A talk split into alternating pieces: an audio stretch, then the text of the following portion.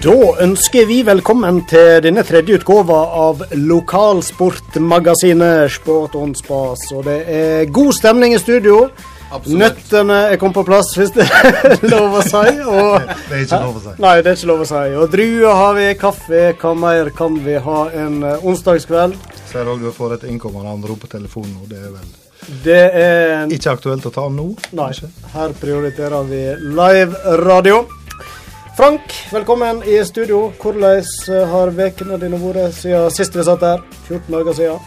Eh, ja, vi har nå eh, holdt på med mye rart, men det jeg husker eh, kanskje best fra eh, de siste 14 dagene, det er en aketur på Hoven. Aha. Der eh, får vi opp hele familien og med da hver sin rattkjelke og suser ned igjen de åtte kilometerne, eller hva det er. Det gikk fort.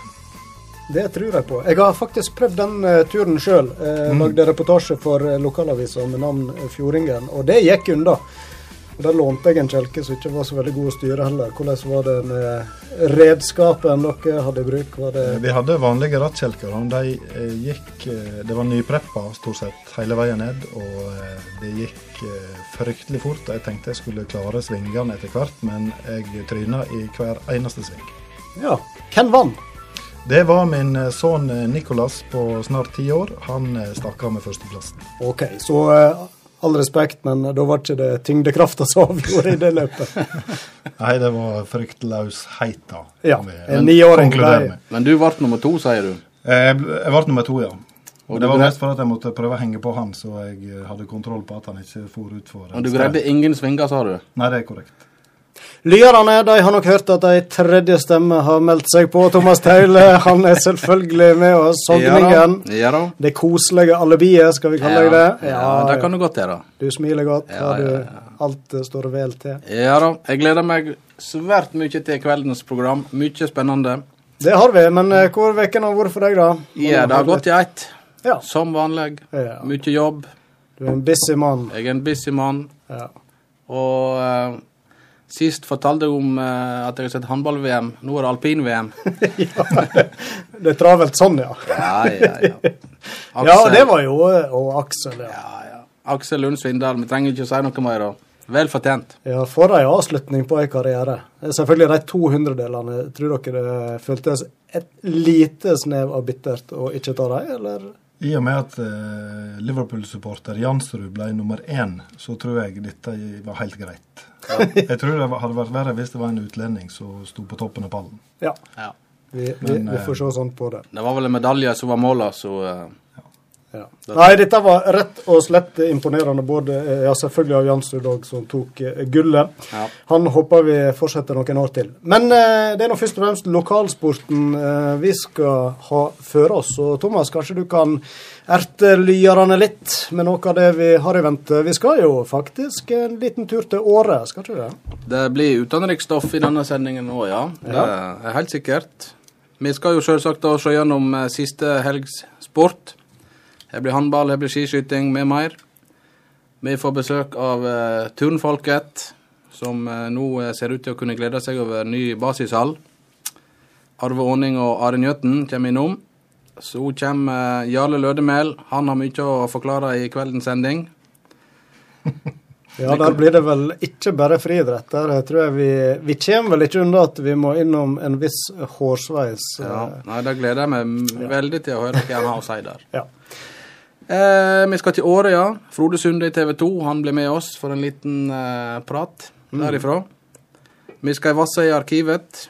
Nina Kristin Flo heter hun for en 15-20 år siden. Ja, nå har han fått etternavnet Mørkve òg, men hun var iallfall en meget god fotballspiller. Var på det øverste nivået i Norge. Tror hun fikk med seg landskap òg, så vi Ja skal høre litt mer med, med hun.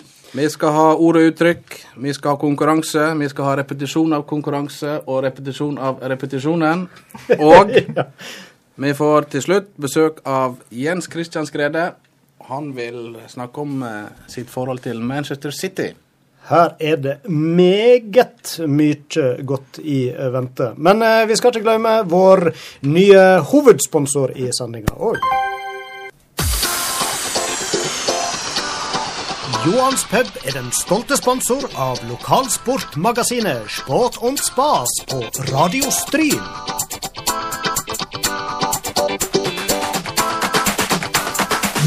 Og på Johans pub der kan du få med deg Champions League, Premier League og FA-cup på storskjerm. Annenhver fredag kan du òg teste kunnskapene når puben inviterer til quiz. Datoer og utfyllende program det finner du på Facebook-sida til Johans pub.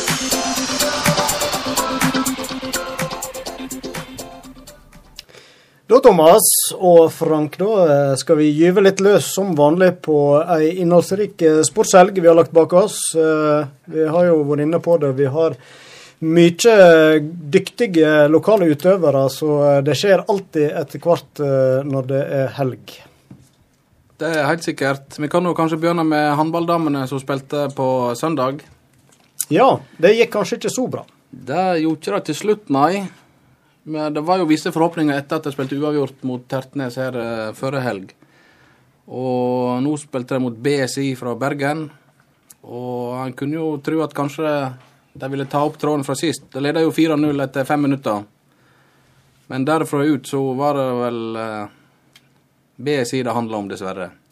Ja, men eh, BSI er jo et av topplagene. og Stryn, jeg vet ikke, bør vi være bekymra? De sitter med én innbytter, og det virker kanskje som om eh, eh, Ja, mangler de litt mannskap nå? Det, etter det jeg har hørt, så er det to-tre spillere som har slutta. Én eh, innbytter sist, det kan jo være tilfeldig, selvsagt. Men jeg, jeg, personlig er kanskje litt bekymra for eh, neste sesong. Ja. Fordi at det har vært slik nå de siste sesongene at det er veldig mange som reiser etter hver sesong pga. skolegang, f.eks. Dette er den klassiske utfordringa. Det er vel både fotball og håndball. Det er at ja. eh, de som er i aldersgruppa der som er med, de forsvinner nødvendigvis på skolegang og militære ja. og den type ting. Så vi har jo tre kroater, og spesielt målvakt Lonak og toppskårer Kresic har vel ennå ikke bestemt seg hva de blir neste år. Anna Johansdottir, ferdig på videregående nå i vår. Så det blir spennende å se om uh, Stryn greier å stable på beina i et lag til neste sesong. Ja. Vi satser på at det løser seg. Vi trenger et håndballag i ei bygd som Stryn. Der er jo eh, gode tradisjoner for å stille seniorlag. Eh, Absolutt. Og rekrutteringa tror jeg er ganske bra. Det var minihåndballturnering i helga. Der var jo du òg, Frank, og så på. Og det er nå en del spillere når vi kommer ned i årsklassene seks til ni år, iallfall. Ja, da, der, er, der er mange lag, og eh, jeg følger jo spesielt med på 09-årgangen nå, der jeg er med en sjøl. Og der hadde jo Stryn bare var det tre eller fire lag med. Så det er nå iallfall et kull med mange spillere. Så får en håpe det at håndballgruppa klarer å holde på dem opp igjennom. Vi satser på det. Eh, jeg tror vi skal hoppe videre over både kommunegrense og fylkesgrense, for det ble arrangert et eh, landsdelsmesterskap i skiskyting. Region vest, det er jo da for eh, Sogn og Fjordane, Hordaland og Sunnmøre. Ja. Og der var det flere fra våre lokale klubber som gjorde det særdeles bra. Ja da, vi har jo eh, Gunn Kristi Tvinnereim. Hun har virkelig prikka inn godformen. Hun har hevda seg utrolig bra nå i flere helger på rad. Og hun hadde vel 29 eh, av 30 treff. Ja, totalt på løpet. Altså sprint var vel eh, fullt hus. To ja. fulle hus der. Og så hadde hun 19 av 20 treff på normaldistansen. Hun hadde ja. vel en seiersmargin i klassen på nærmere 8 minutter. Ja. Og når du da er ute og går i 40 minutter, så eh, begynner det å bli en ganske klar seier, må vi kunne si. Spennende utøver. Vi har jo òg Oskar Guddal Breivik som endelig er tilbake etter skade. Han fikk jo kneskåla si ut av ledd før jul. Høres ikke særlig behagelig ut. Men han er eh, virkelig tilbake nå. og Han vant vel et par, eh, i hvert fall ett av disse rennene, vel? Han eh, vant begge dager. og begge dager. så kan vi jo tipse andre ihuga skiskyttere som har lyst til å lære et tips eller to, de kan gå inn på Fjordingen, og der finner de ei nettsak som viser en av stående-seriene til han Oskar. Og det var litt sånn Bjørndalen-schwung over der han fylte det huset. Så Jeg fikk han, uh, assosiasjoner til en Tarjei Bø. En Bø spesial. En Bø spesial. Kanskje vi alle skal bruke det som eksempel, vi som er stryninger. Det var iallfall godt å se at han er i god sving, og de tror jeg skal snart ut på Norgescup igjen òg. Det skal de nok om 14 dager, ja. Eller ei og halv uke. Ellers så har vi jo en kombinertløper. En ensom svale i eh, holdt på å si miljøet. Ja, de har jo ikke vært altfor mange av de i vårt distrikt. Vi hadde jo en som heter Eskil eh, Kveen, som var veldig lovende fram til et par år siden.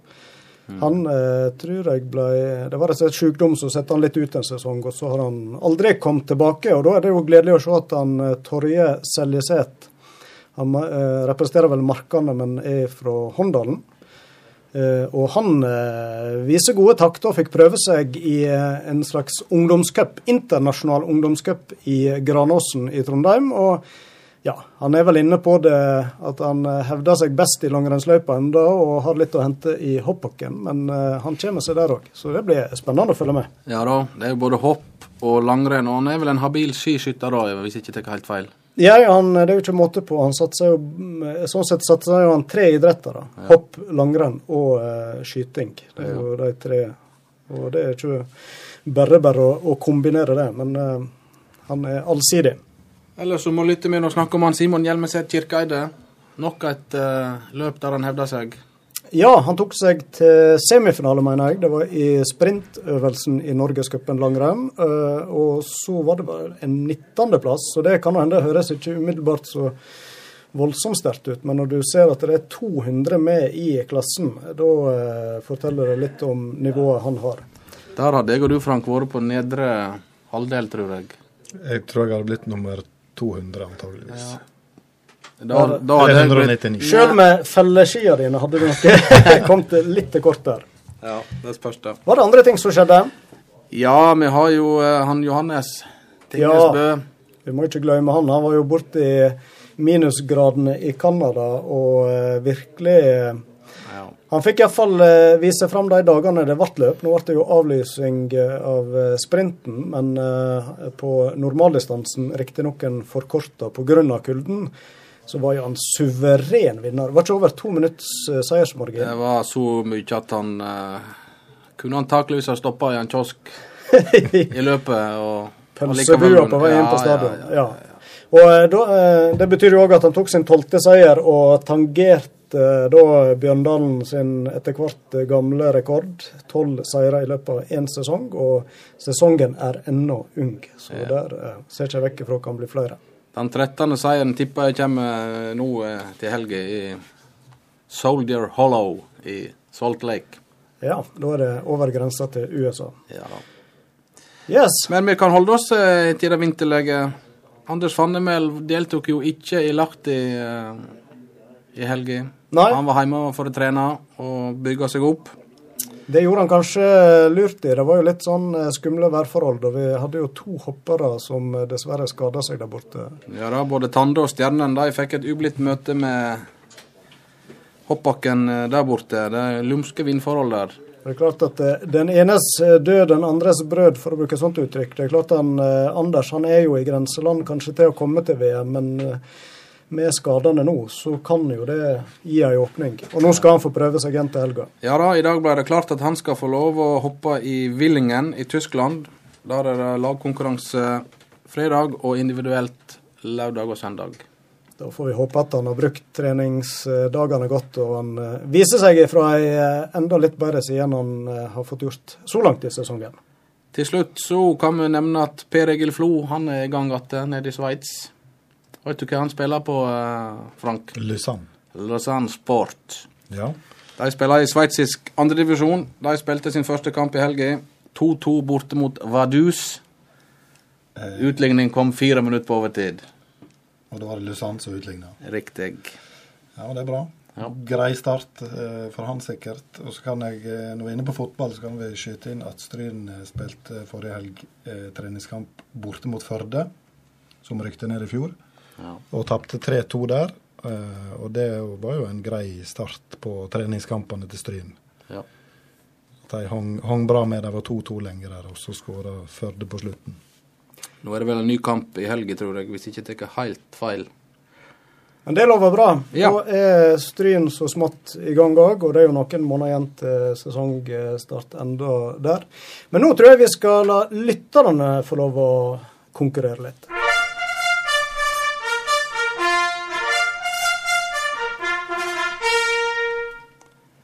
Dette betyr vel konkurranse, ja.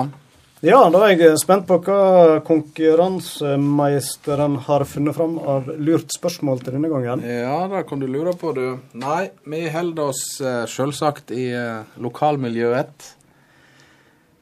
Denne gangen er det Frode Grodås det er snakk om. Håndalens store sønn, er det lov å si det? Ja, det må en vel virkelig ha lov å si. Det må du kunne si. Ja. I, I, sterk konkurranse med vår hovedgjest i dag, Jarle Lødemel. Ja. ja. Men spørsmålet vårt er hvor mange landskamper fikk Frode Grodås?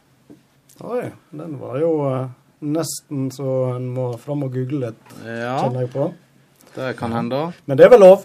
Det er lov. Ja, ja, ja. ja nei, dette kan ikke vi kontrollere. Hvor mange landskamper fikk Frode Grodås? Send inn svaret på SMS 99 59 57 79.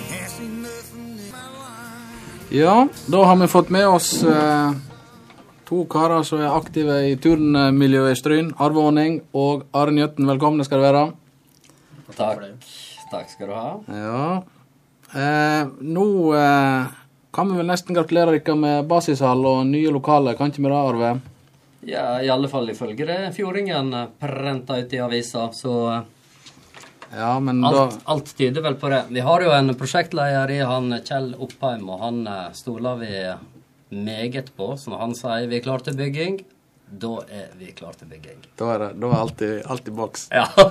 Men eh, er dere litt øsne nå, da? Altså, Dette er jo noe dere har venta på i mange år, vel? Det er ikke akkurat de store forholdene dere har hatt i gymsalen oppe i Bø, etter jeg har skjønt?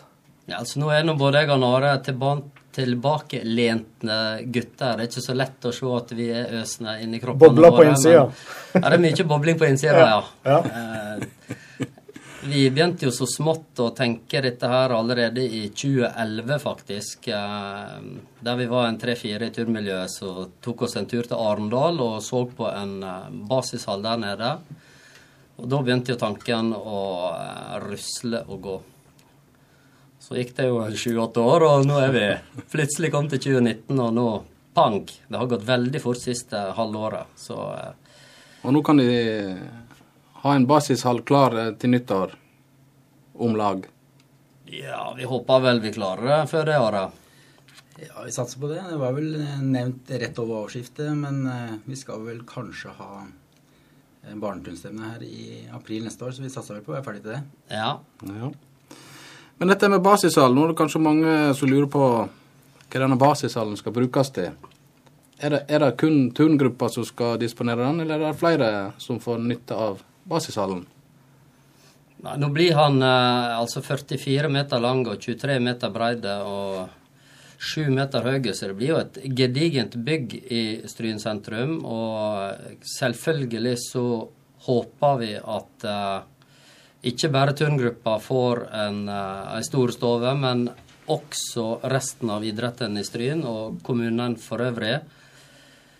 Spiller vi brikkene våre rett, så tenker vi SFO, vi tenker barnehager. Vi eh, Vips så har Njøten dribla fram noen pensjonister, så eh, kom, på pensjonistene, så deg, Thomas. ikke sant? Ja, det, det er eldre karene. Ja, men hvis jeg er der, i den gruppa, så er du der òg. Der fikk du den. Ja, ja, ja. Der kom den. Ja da. Nei, men dette blir jo uh, Dette er jo spennende planer. Men jeg har lyst til å bla litt tilbake. Jeg fant en gammel fjording her fra 16.1.2009. Det var vel Var det i åtte de begynte, eller var det i ni? Nei, vi begynte Vi begynte, eller begynte Tja, hva skal jeg si? Altså, turngruppa har jo alltid eksistert. Ja. Uh, det heter jo Stryn turn og idrettslag, så jeg regner med den har noen tradisjoner der. Ja da, turngruppa er like gammel som idrettslaget, og selvfølgelig eldre enn, eldre enn det. Men um, aktiviteten i de dager var jo veldig sporadisk og liten. Um, og i 2008, da da var vi en gjeng på en 12-13 stykk som fant ut at eh, vi hadde fått unger. La oss eh, gjøre noe for ungene. Det er ikke så lett å hive en fotball ut til en to-treåring. Det veit nå vi karene hvor det går. Så Så derfor fant vi ut at turn det må jo være knakende kjekt. Så var det ei etablert ei turngruppe, dog relativt død. Men eh, det var penger på kontoen i den turngruppa. Så da fant vi ut at da bruker vi de pengene, og så kurser vi oss. Og så eh, ser vi hvor det går. Så vi, eh, vi, vi eh, brukte 100 000 på utstyr og de siste 60 kronene på en annonse. og så Resten er historie. starta vi opp med ei turngruppe opp i, opp i Bø. Ja. Og så bare ruller ballen ufattelig fort. ja. Nei, jeg vil, jeg vil bare lese starten på det som sto i Fjordingen i 2009. Turngruppa i Stryn satser bokstavelig talt høyt på de yngre. Onsdag kveld var det stor entusiasme i gymsalen i Bø da Jon Fredrik Hopland, 16 år, demonstrerte høytflygende saltoer fra flunkende nye trampetter. Nå må barna turne, ellers går vi konkurs, skjemta lederen i turngruppa Arve Aaneng. Men eh, konkurs det går det vel ikke, for de har jo eh, voldsomt med unger. Hvor mange er de med nå? Det er varierende. Litt varierende.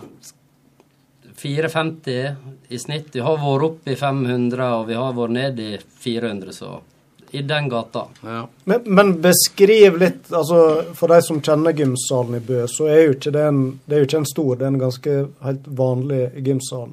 Hvordan utarter treninga der seg når det er 40-50 unger i sving, kanskje, på ei gruppe? Ja, det er ganske trangt. Vi eh, For noen år siden så var vi eh, to-tre instruktører, som vi kaller oss da, på jobb. Vi var ikke flere enn vi kunne være det, for det var mange grupper da òg. Nå har vi kursa oss eh, Vi har kursa vanvittig mange, så vi er rundt 45 instruktører, eller trenere nå, som håndterer alle disse her gruppene som er. Vi deler dem inn i sånn eh, første og andre klasse ei gruppe, tredje, fjerde klasse ei gruppe og oppover. Og de under skolealder blir delt inn etter alder. Og så peiser vi på med trenere, sånn at vi er en, eh, nærmere åtte-ti trenere på hver eneste av disse gruppene. Deler vi alle ungene inn i stasjoner. De står mye i ro, og de står i kø. Og hopper og snurrer og slår hjul og styrer på. Så eh, rekorden min, iallfall, for å si det sånn, det er 72 unger på ei trening. Det Og så har du alle apparatene, på en måte, eller mattene som tar sin Ja, plass. vi har og- liksom tre trampetter stående der, og noen sånne eh, lufthoppeting som de eh, styrer på med. Men 72 unger, for eksempel, da, da Det skulle de slette med i Kina òg, tenker jeg, med å organisere. Det, det, det er trangt. Ja. Men det er jo litt artig å se her at uh, mange av de navnene som uh, var med i 2008, fortsatt er med i dag. Jan Endre Nesdal, Are Njøten, Ant Magne Fredheim, Lena Sandbakk Kjøsnes, Hilde Konstali Lødemel, Hilde Ullebø Hol, Line Bø Arvåning, Ingrid Vik, Marte Rekdal. Mange av disse her er vel med den dag i dag? Eller tar jeg feil? Ja, de fleste er vel med, men i litt andre roller, kanskje. Ja. Eh, mange er jo med i, som trener oppmenn i andre idretter òg, så det, ja. det er jo liksom en sånn gjeng som har eh, bidratt i idrettsmiljøet. Mange er jo med ennå. Mhm. Men nå er det vel ingen av dere to som har eh, direkte turnbakgrunn, er det det? Du, Arve, begynte vel med turn når eh, du fikk unger, som du ville. Ja. Og jeg vet ikke du, Are, har du noe Jeg begynte å turne litt når jeg gikk på idrettshøyskolen i gamle dager.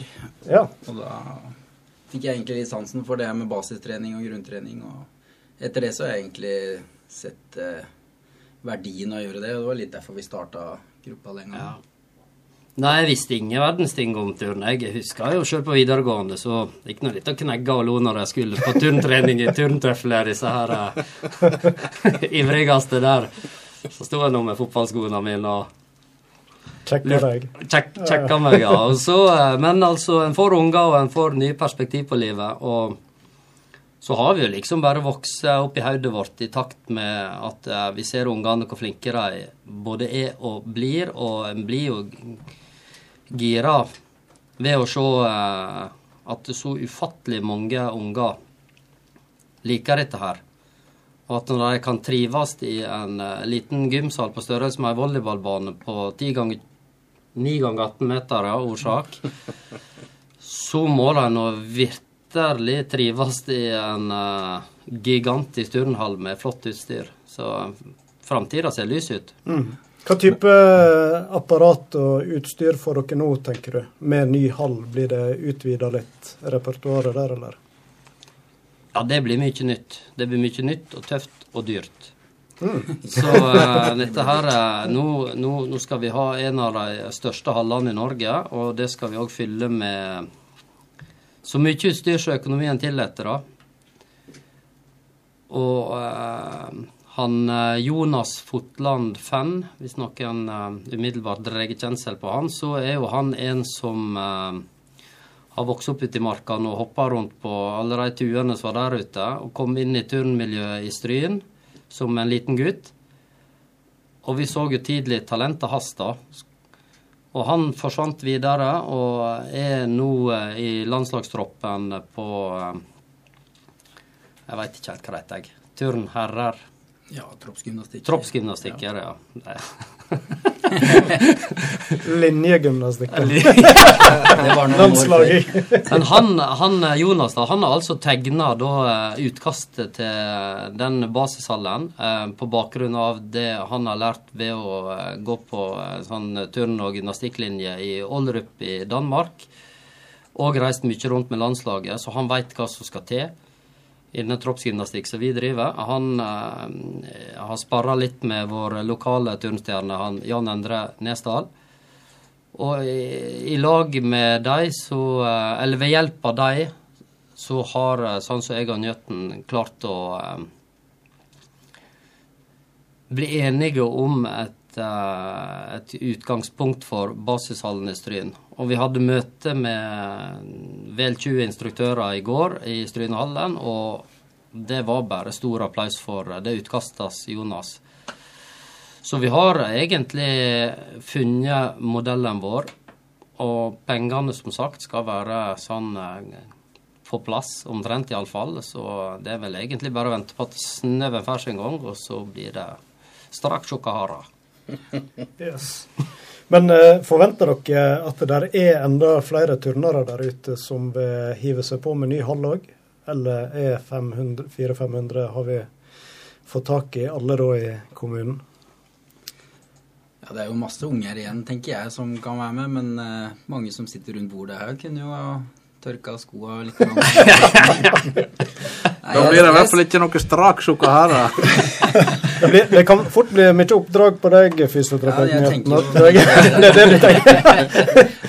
ja, men, de, eh, vi har jo besøkende ifra hele, hele kommunen, og enda til ifra Volda Ørsta kommer de kjørende til Stryn for å turne. Og at uh, vi kan bli flere, det er jo ikke noe tvil om. Særlig de, uh, de I likhet med de fleste andre idretter så mister vi våre utøvere når de er blitt en 13-14 år gamle. Og med topputstyr så om vi kan holde dem noen år til, det, det, det er en drøm som er større, større enn å bli 500-700 stykk, for å si det sånn. Mm. Spørsmål, Arve. Når, eh, eller turngruppa, hvem er de yngste som er med? Hvor gamle er de? De er to år. Opp til da 17-18? Ja, vi har jo, jo 17-18-åringer med nå òg, men det er veldig fåtall. Men mm. toåringene, de de er med foreldrene sine rundt om på de skumapparatene vi har. Og får liksom prøve å stupe mm. og, og hoppe og Det er vanvittig hva fort de lærer. Helt ja. nifst. Men dette her er jo uansett en, eh, et fantastisk tilbud til alle unger, uansett hva idrett de ender opp med når de er 14-15 og gjerne skal spesialisere seg litt, så er jo den basisen de får gjennom å være med på turn, den er jo gull verdt uansett idrett. Ja, derav konseptet basishall og ikke turnhall, som, somme mm. sier. Vi, vi, det momentet med å kunne drage inn alle idretter inn i den basishallen og gi dem eh, smidighet og styrke og balanse og det, det vil være gull verdt. Absolutt. Og tilbake på det i forhold til øke, eventuelt øke medlemstall, så all statistikk med de som har bygd basishall før, er en øke på rundt 40% Det må vi regne med ved bygging av basishall. Yes. Ingen av oss er matematikere, så dette klarer ikke vi. Men uh, 600-700 Det er sikkert. Ja. Nei, men dette blir uh, grådig spennende å følge med videre, og det skjer jo mye på kort tid, etter det jeg skjønner nå.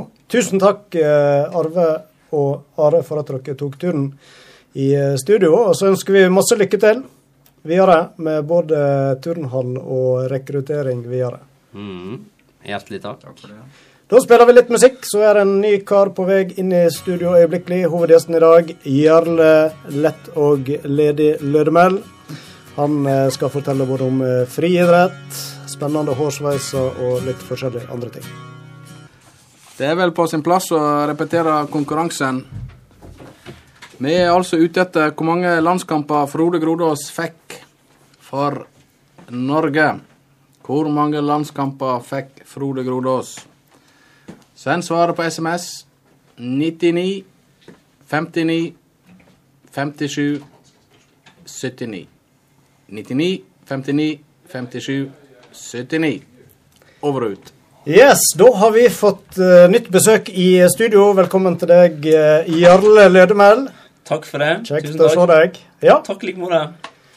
Vi skal jo eh, prate med deg eh, først og fremst om engasjementet ditt da innen eh, friidretten. Men så må vi, vi Vi fant ut at vi må nesten bare starte i en helt annen ende om et bilde av deg fra da du, ja, du var ca. 20 år gammel. Og vi delte jo dette her på Facebook. Syns du Ja, var litt slemme med deg, eller? Takk, takker for det. Ja, og det har jo skapt litt uh, åtgaum eh, der ute. Og vi kan jo anbefale de som hører på oss nå, gå gjerne inn på Facebook-sida mens dere hører på, og sjekke ut. Uh, Skroll litt ned på sida til Sport og Spas, så ser dere et flott uh, svart-hvitt-bilde av Jarle eh, 19 år gammel, mener jeg det var.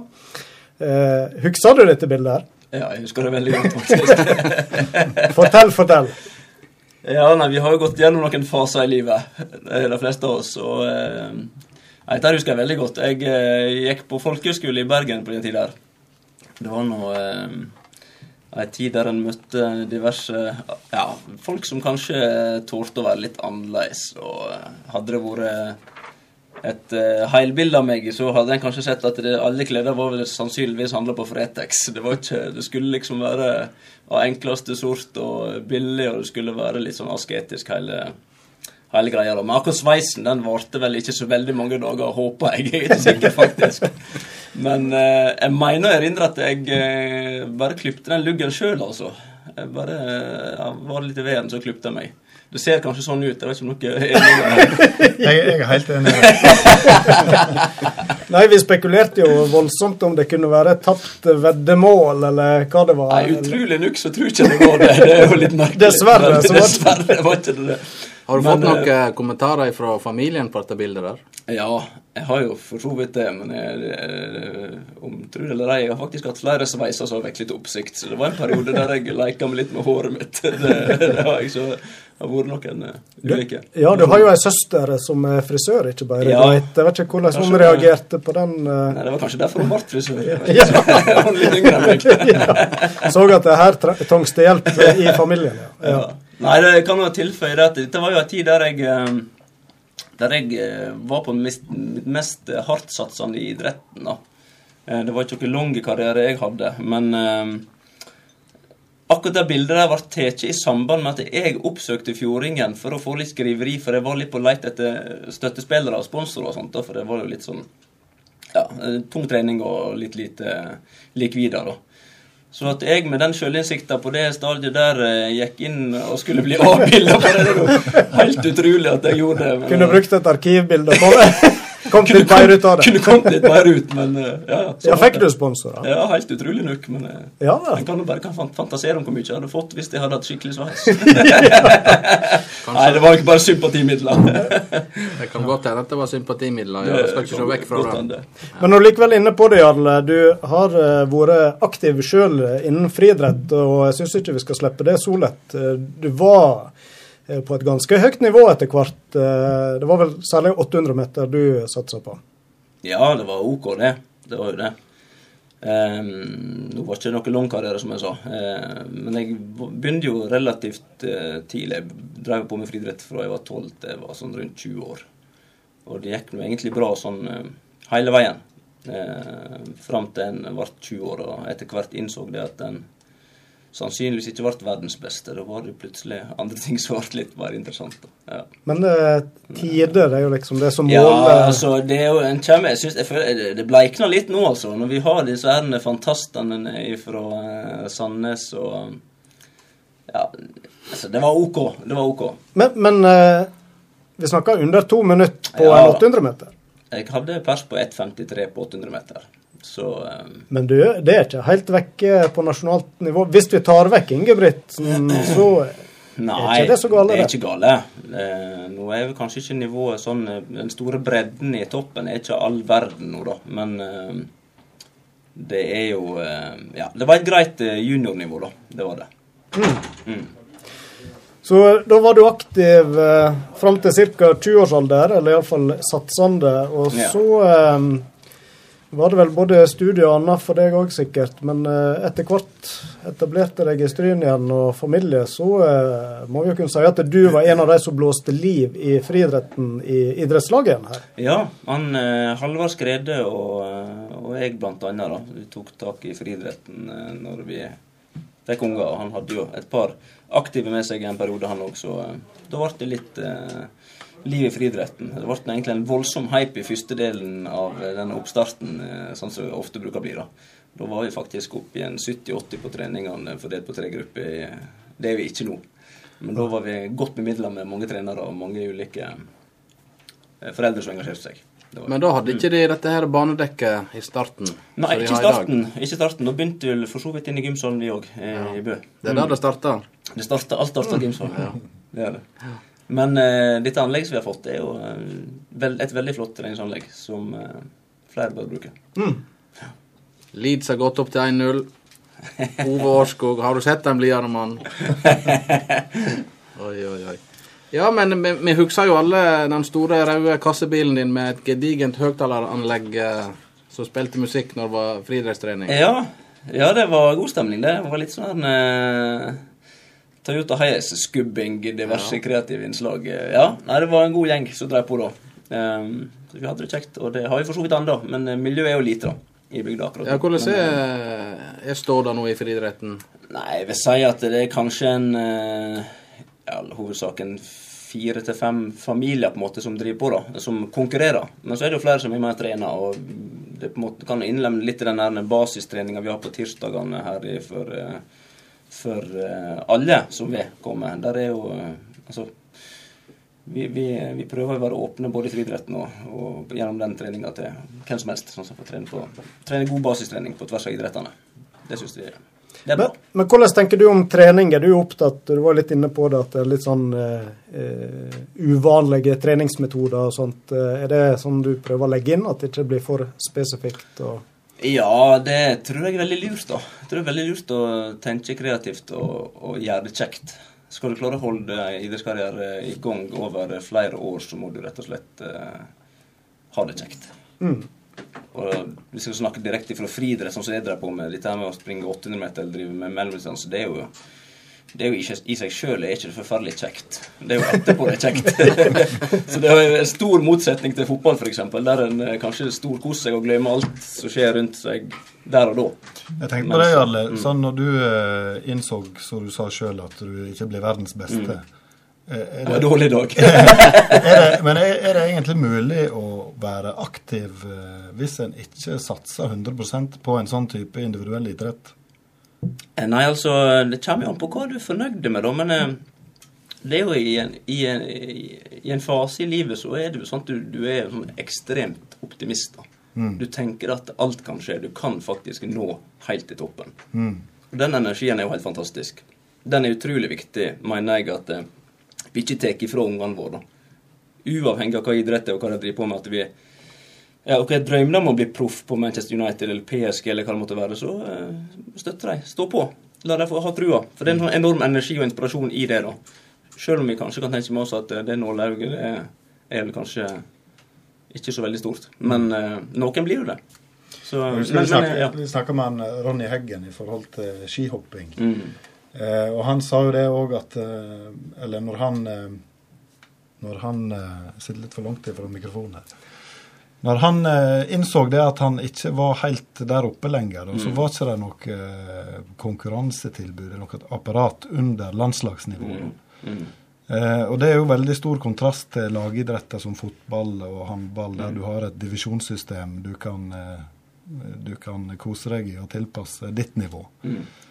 Sånn som jeg sjøl har jo spilt i alle lavere divisjoner i, i fotballen. Men det går jo ikke an i en sånn eh, idrett eh, som du holder på med. Nei, altså du kan jo alltid stille opp på trimløp og mosjonsløp, men hvis du først har på en måte konkurrert og hatt den trua, da, så Mm. Det var jo det jeg følte på da, at eh, OK, her skal det ekstremt mye til for at jeg eh, blir der oppe. Men, men hvis du springer på 1,53 når du er 20 år, du har nå noen år foran deg der du må nå være realistisk og tenke en kan forbedre seg? Ja, selvfølgelig. Eh, Oppi dette her, så eh, En kan si at jeg, jeg en, en var nok ikke på det mitt poten, toppotensial. Selvfølgelig var ikke det. Men det krever veldig å holde det gående sånn over tid. Og kanskje en såpass eh, Det er jo en idrett der det ikke er altfor stor bredde i, på det nivået, da. Så da må du gjerne ha et, nivå, et miljø rundt deg som gjør at du orker å gå på trening hver dag. Og Men du oppsøkte vel et større miljø, for på den tida var vel du i i Bergen. Ja. Ja.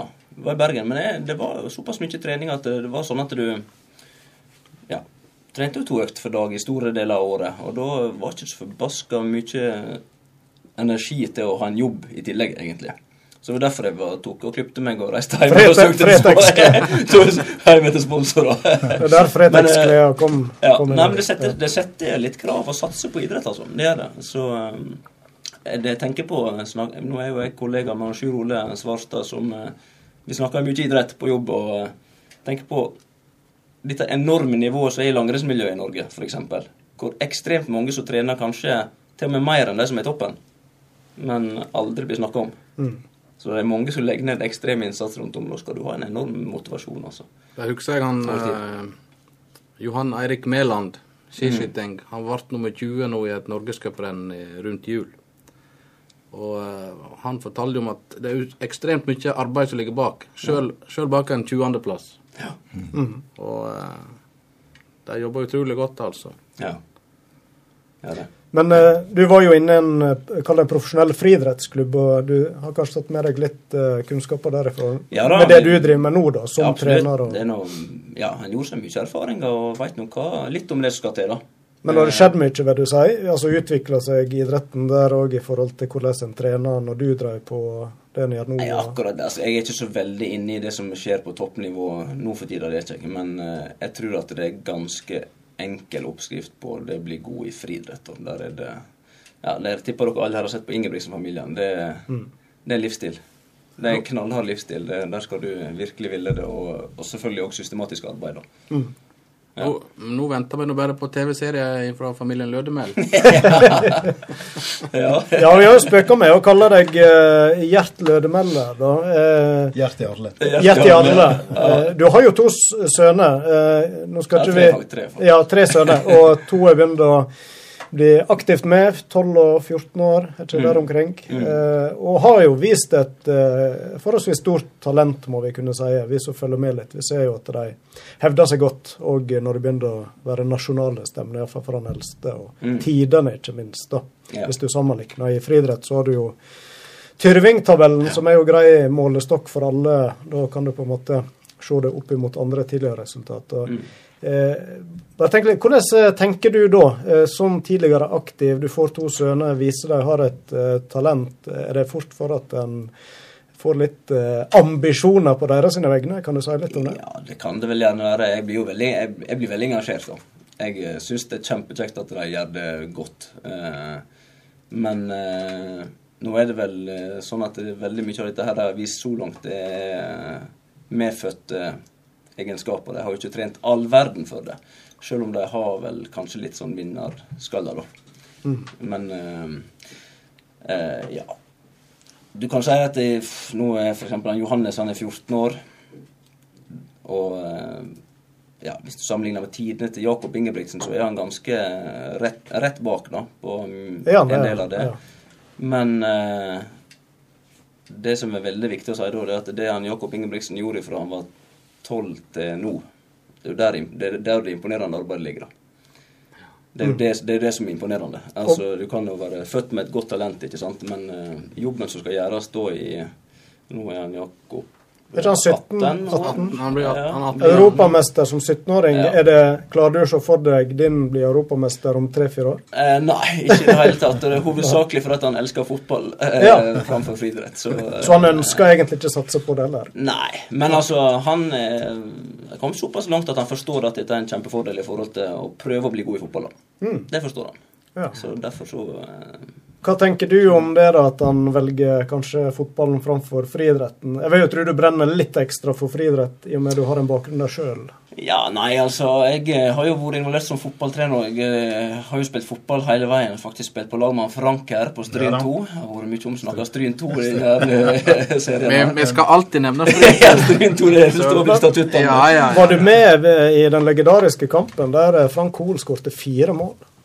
Kan du huske det? Eh, nei, Litt en kan- digresjon, det kan da, ikke- min stemme. Det sto i Nei, fjordingen. nei det, det, det kan godt hende. Ja. Vi hadde det faktisk veldig kjekt i lag på Stryn 2. Altså. Det var en svært kjekk tid, og det var faktisk eh, etter at jeg var 20.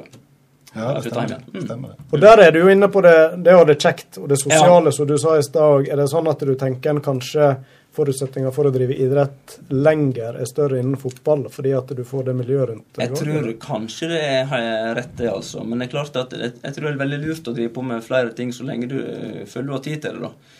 Eh, nå kan det jo være at eh, en av mine på et visst tidspunkt føler at det butter litt imot på fotballbanen, og så har jeg kanskje noe annet å drive på med i tillegg. Eller omvendt. sant? Så da, og så, ja. Opp til en viss alder så vil dette være nokså styrka den andre idretten, mener jeg bestemt. da. Da skal vi faktisk en liten tur eh, utenriks her. Det eh, har nesten blitt tradisjon. Vi har jo gjort det før eh, oppringinga til utlandet, og nå skal vi til nabolandet Sverige. Der pågår jo, som sikkert mange vet, et VM i alpint i Åre. Og der er faktisk Stryn representert, ikke akkurat i, i, i øvelsene, Frode Sunde, men du er på plass. Det er jeg, ja.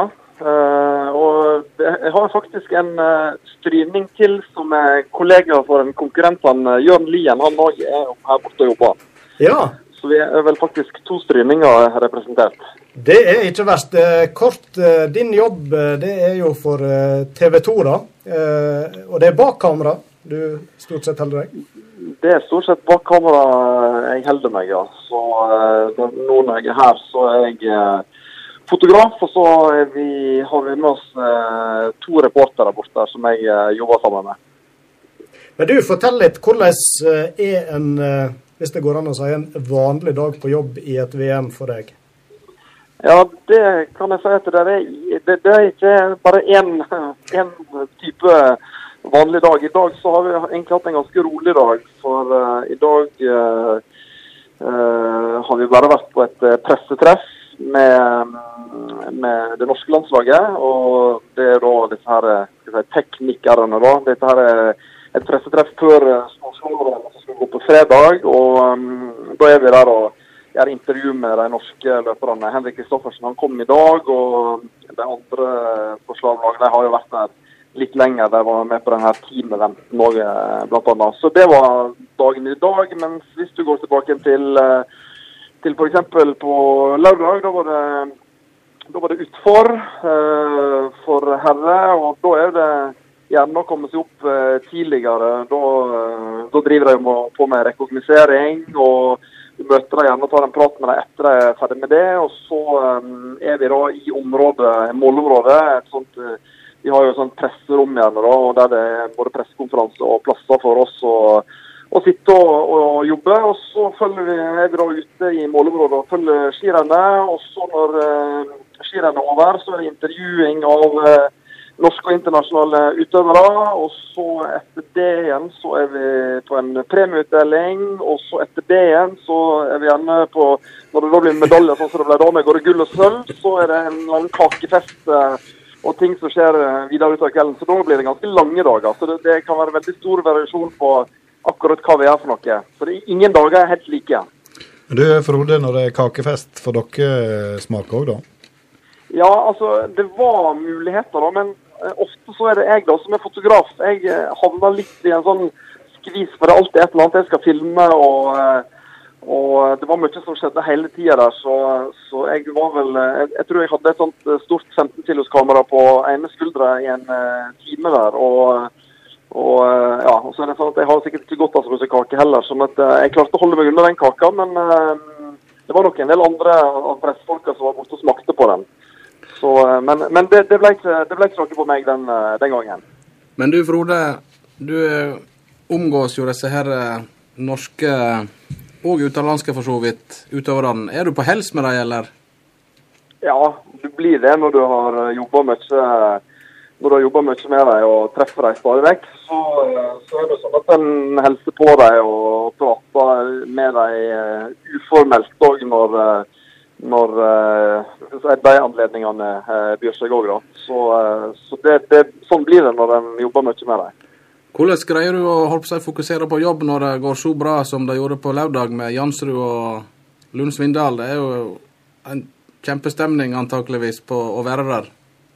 Ja, altså det er klart at det, det, sånn, når vi er på sånne turer, sitter her, så er det, så er det, ekstra gøy å være på jobb når det går, eh, går bra. og det er klart at vi, vi blir revet med, vi òg, og, og syns det er veldig artig når de, når de norske, norske gjør det bra. da. Så eh, jeg tror ikke vi klarer å være helt sånn eh, Vi klarer ikke å legge det helt bak oss at vi er, vi er nordmenn og har følelser når, når norske gjør det bra. da. Men du, på denne tida av døgnet, da er det vel helst eh, afterski som gjelder. Hvordan er stemninga i året en eh, onsdagskveld klokka halv ti? Ja, nå, eh, nå har jeg prioritert faktisk å, å tatt en For det har- vært mange lange dager, da, så nå har jeg prioritert å ta en litt uh, rolig dag. Så nå sitter jeg i en leilighet som ligger rett nede for det hotellet der som disse her uh, skiløperne bor. da. Men inntrykket vårt faktisk her har vært da, at eh, sånn som når det var helg, så var det veldig eh, veldig livlig, veldig mye folk. Eh, mens i ukedagene så har det vært litt roligere. I hvert fall den første veka. Nå er det noen flere svensker som har ferie denne veka. Sånn at, at du merker at det er litt, litt mer folk i, i gatene her og, og på afterski og, og sånt i, i året. Men nå har jeg jeg har da tatt en rolig kveld her og, eh, når, når det var mulighet for det i dag, da. Det er ikke for seint å ramle utpå ennå. Nei, ja, det kan du si. Nei, han Frode han eh, prioriterer lokalradioen i Stryn framfor et møte med Ingebrigtsen i, Nei, ikke Ingebrigtsen. Kristoffersen. Kristoffersen i baren. Ja, eller nå tror ikke jeg Kristoffersen Nå satt jeg faktisk akkurat og leste om han. Det var et uh, intervju som Aftenposten har gjort med han. At han, uh, han ofra russetida. Han fant ut at uh, det var ikke noe vits å drive på med russetid. Da gikk han glipp av en måned med, med trening. Så, så jeg tror nok ikke han uh, tar seg en tur i baren, uh, baren i, i kveld. Det, det, det, det hadde overraska meg å sette, sett han der, altså. Men du, denne my mye omtalte avslutningsfesten for Svindal og Lincy Vann, fikk du med deg den, eller? Ja, altså jeg var både innom den her eh, Jeg var jo både på eh, På lørdag så var det en eh, Det var på det hotellet som ligger rett oppe for oss. Et sånn eh, Stordalen hotell som heter Copper Hill Mountain Resort. Som ligger rett ved siden her som, som vi bor. Der var det altså da avslutningsfest for Aksel på lørdagen. Og det var jo stor stemning. Og det var jo da han dro i gang rapping sammen med Tommy T og Warlocks og noen andre gutter der. Så det var jo kjempestemning der. Har han ei karriere å falle tilbake på der, eller? Ja, Lindsey var nå påstått at, eh, at det ikke var håp for ham fordi han var, han var hvit og norsk. Eh, Dette her var, dette var andre som kunne bedre enn han, da. Så han var, han var vel for så vidt eh, han var for så vidt enig i at eh, kanskje den her eh, andre karrieren med, som businessmann og eh, kleskolleksjon, at det var kanskje riktigere å, å satse på det. Men det som var jo veldig gøy, det var liksom en litt annen side av Aksel. Han er superproff. og eh, han er ikke alltid så lett. Han er, han er superhyggelig og, og, og sånt, altså bare godt inntrykk av, men, men han, er, han er ikke alltid den som eh, er lettest å komme helt under huden eh, eh, på heller. Så her viste han liksom litt, litt mer en annen side av seg sjøl. Og det kan jo være at, at han har jo vært superproff til å gjøre de riktige tingene når han har vært idrettsutøver, så det kan jo være at han vil bli litt mer sånn relaxed nå når han legger opp.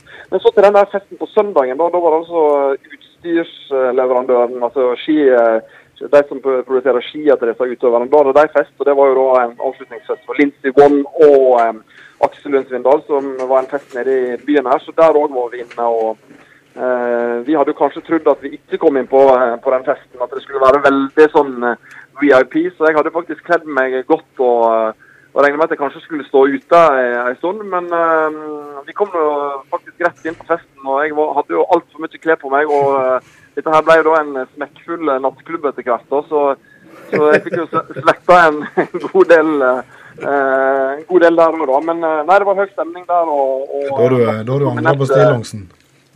ja. Det var masse prominente folk som var der, så det var, det var god stemning. og ja. Så, så det òg fikk jeg uh, faktisk med meg. Men du Frode, nå uh, blir du i året ut uh, veka, eller? Nei, nå er faktisk, ja, jeg skal være her uh, til, til fredag. Og så så skal jeg ta med meg familien min og reise til Trysil og kjøre på ski der sjøl. Så jeg går glipp av da slalåm eh, for damer og slalåm for herrer. Og så, eh, når jeg er ferdig i Trysil, så skal jeg til Stryn på vinterferie og ta resten av vinterferien der, da.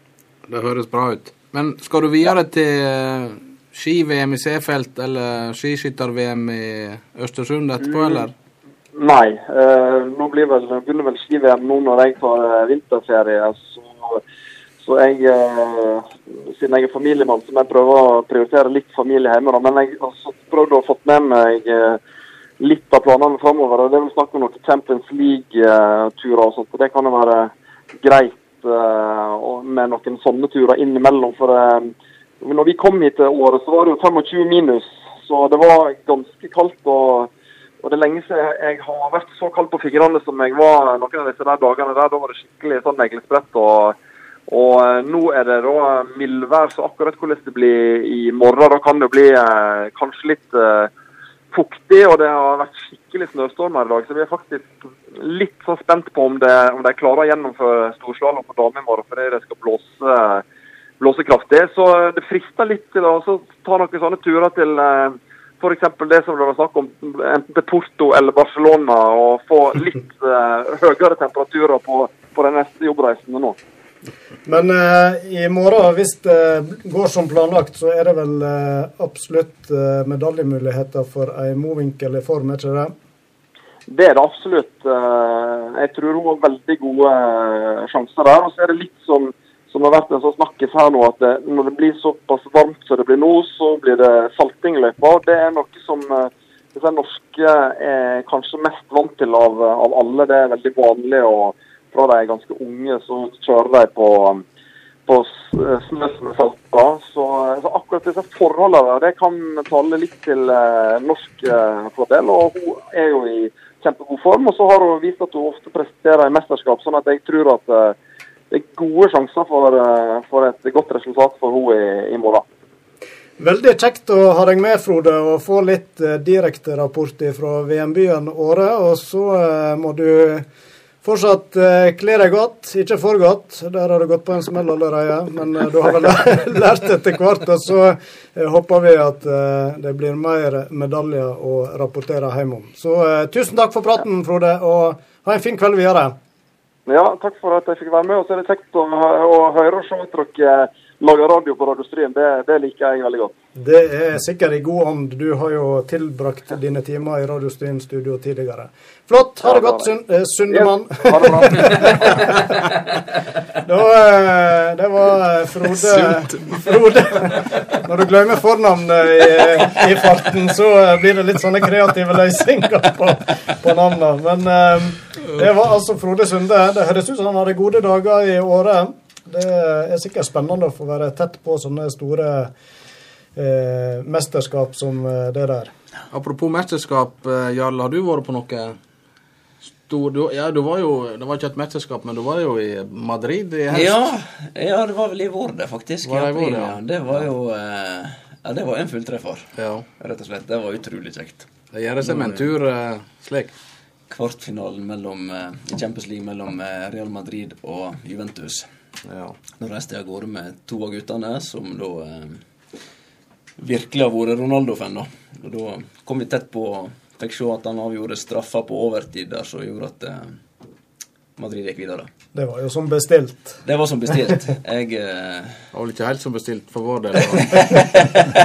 Nei, det ble vel en roligere affære på slutten der i den turneringa der.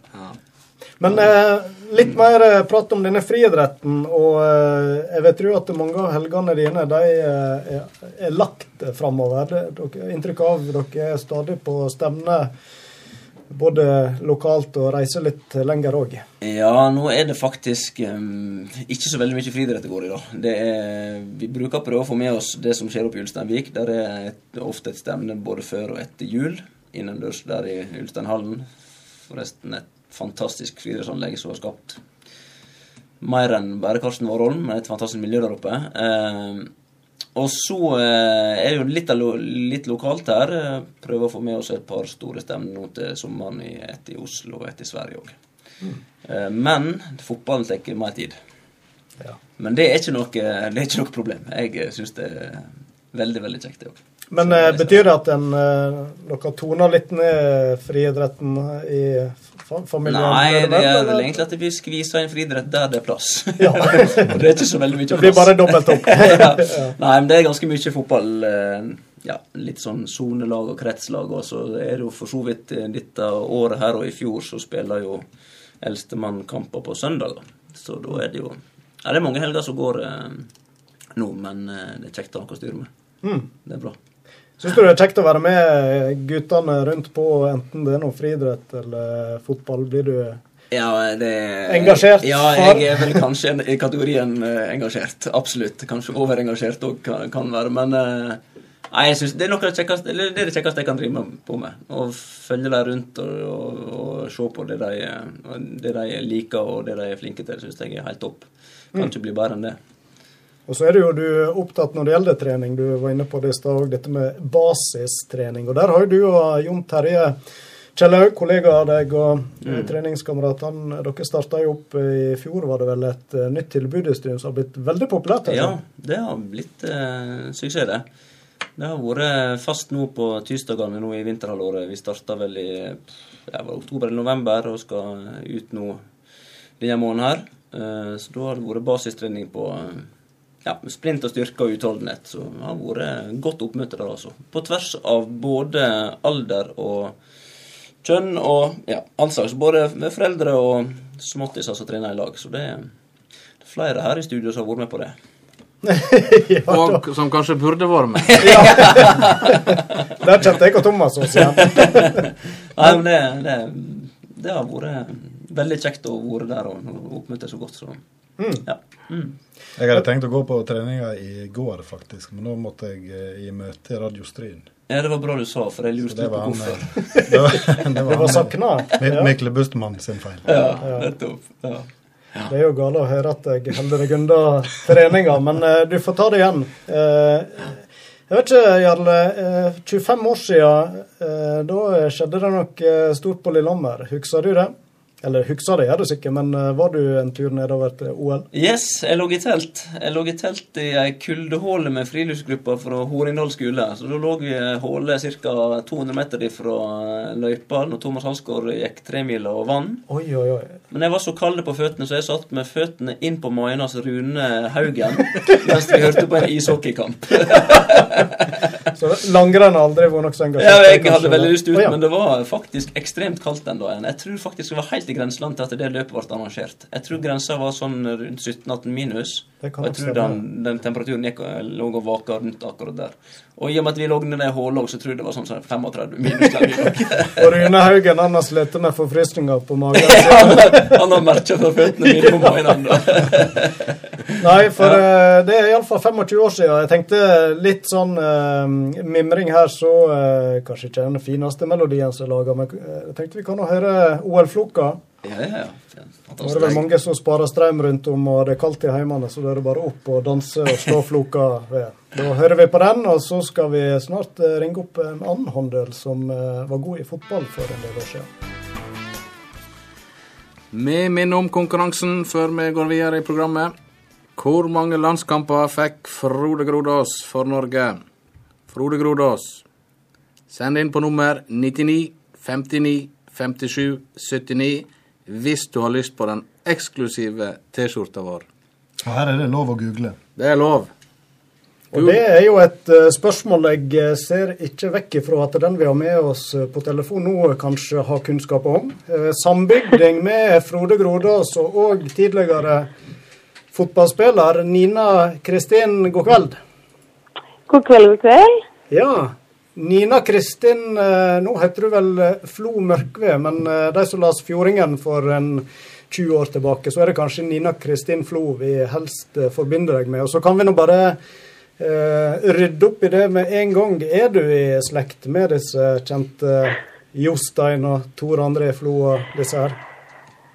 Ja, nei, jeg har fått det spørsmålet ganske mange ganger før, så jeg er ganske trygg på at jeg kan si at jeg er jo ikke det, da. Men, uh, men jeg skulle jo ønske at jeg var det, selvfølgelig. Så Flo-navnet det stammer fra en litt, litt annen slekt? Ja, det er nok det, altså. Uh, pappa er jo fra Flo. Så jeg har nå vært uh, mye der, og uh, har nå gjennom mange år da, fått det som jeg sa, spørsmålet mange ganger før. Uh, ja. Men vi skal spole litt tilbake, Nina Kristin. For du markerte deg ganske tidlig du, med et ja, for så vidt talent innen flere idretter, men det var noe særlig innen fotball. Og du fikk jo òg med deg flere aldersbestemte landslagskamper. og enda jo til slutt opp i toppserien i Kolbotn. Eh, er dette ei tid du husker godt? ja, nå har det begynt å bli ganske lenge siden, da, men det er klart eh, man har jo mange minner fra den eh, tida der. Så det har vært både positive ting og en del utfordringer på veien, men absolutt masse gode minner. Hva, hva var det du spilte på banen?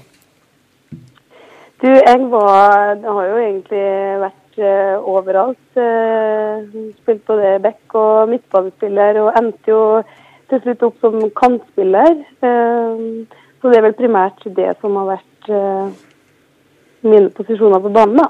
Mm. Så er jo du fra Hamdalen, men vi kan jo ikke la være å kommentere noe. at Jeg hører jo dialekten din, den tror jeg har forandra seg litt siden du bodde der? Ja, den har vel det, altså. Eh, etter snart 20 år eh, både i Oslo og i Trondheim, så er det klart at uh, den blir nok litt uh, avslitt. Litt sånn dialektforvirra, kanskje. Men jeg hører det at når jeg snakker med deg nå, så er det noe mye bedre enn det det er i hverdagen. For da er det bare ikke noe ting. Det er jo flere hånddeler som har slitt litt med dialekter. ja da, det er det. Så, men sånn blir det nok. Eh, kan vi bare innrømme at jeg skulle gjerne vært eh, flinkere enn jeg er nå, men eh, ja. Sånn er det. men, men hvor er det du har bosatt deg nå? Du, nå bor jeg på Ranheim i Trondheim. Så har vi jo fått et eget eliteserielag her hos oss, da, så det er jo artig å følge dem nå. Men nå er det kun som publikum du bidrar? jeg klarer ikke helt å gi fra meg den fotballen. altså I en alder av 43 år så er jeg jo fortsatt eh, på banen. Så, så, nå spiller jeg jo bedriftsfotball for eh, politiet. Og så, for et par år siden så begynte jeg faktisk å spille i andredivisjon og spilte for Nardo da, en liten periode. Og ja, nei, så jeg klarer ikke helt å gi meg. Jeg har nettopp vært på fotballturnering og ja, det er jo det artigste jeg veit. så det er trist at man blir eldre, altså. Men eh, hva var det som gjorde at du eh, måtte trappe ned da tidlig 2000-tall? Du var ikke så gammel da? Nei, jeg var jo ikke det. Men det er jo Nei, det var egentlig flere årsaker til det. Men sånn primært så var det jo at eh, jeg har jo vært veldig mye skada. Um, og har vel egentlig hatt en ambisjon om å uh, alltid komme tilbake. Jeg, hadde jo et mål om å bli en av Norges beste fotballspillere. Uh, så det var, lå jo alltid der for hver skade jeg fikk. Og så var det jo det her med utdanning da, som gjorde at jeg begynte med nattevakta. Og det ble litt krevende å kombinere, uh, kombinere nattevakta med det som jeg kanskje kan kalle litt toppidrett, i hvert fall. Um, og når man da var skada og begynte å jobbe nattevakta, og det var litt sånn utfordringer med det, så valgte jeg rett og slett å bare Det ble litt sånn halvveis av alt, da. Så ja, nei, jeg angra jo litt på valget. Så til de jentene jeg snakka med nå, så, så ber jeg dem tenke seg ganske godt om før de legger opp når de er 24 år. Det er tidlig.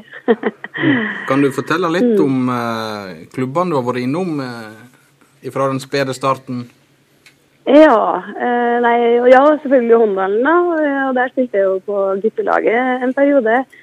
Så da eh, vet jeg ikke om jeg spilte mot liksom Frank Even, og så har vi vel hatt noen kamper mot hverandre, regner jeg med. Ja, det stemmer. Jeg husker det. Du husker det, ja? Ja da. Ja, så det var, jo, det var jo artig for meg å få lov å spille på guttelaget. Og jeg begynte å spille fotball ganske seint. jeg, da. Det var, jo, det var jo ikke det jeg skulle bli. Men eh, så fikk jeg noe smaken, og så ble det nå den veien det gikk. Og så spilte jeg på Bremsbygda eh, og gikk til Kaupanger.